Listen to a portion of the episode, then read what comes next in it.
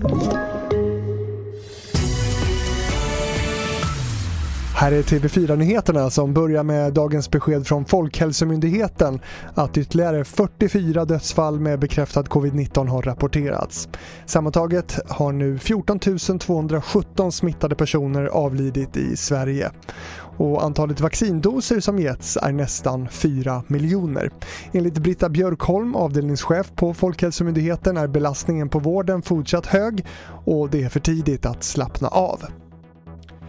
Rysslands president Vladimir Putin har beordrat en översyn av vapenlagarna efter den dödliga skolskjutningen i staden Kazan tidigare idag. Ryska nyhetsbyråer skriver att minst en lärare och tio elever konstaterats döda. Tiotals människor ska ha skadats. Några av offren var elever som omkom i samband med att de hoppade ut från fönster i byggnaden, det skriver nyhetsbyrån RIA. Sist i sändningen om att en 30-årig man har dömts till fängelse i tre år och åtta månader och ska betala skadestånd för att vid två tillfällen ha våldtagit en flicka i 12-årsåldern på en skola i Malmö. Han döms även för flera sexualbrott mot flickan och brotten ska ha begåtts på en toalett på flickans skola där mannen var anställd som elevassistent. Mannen nekar till brott. I TV4 Nyheternas studio, Fredrik Rahlstrand.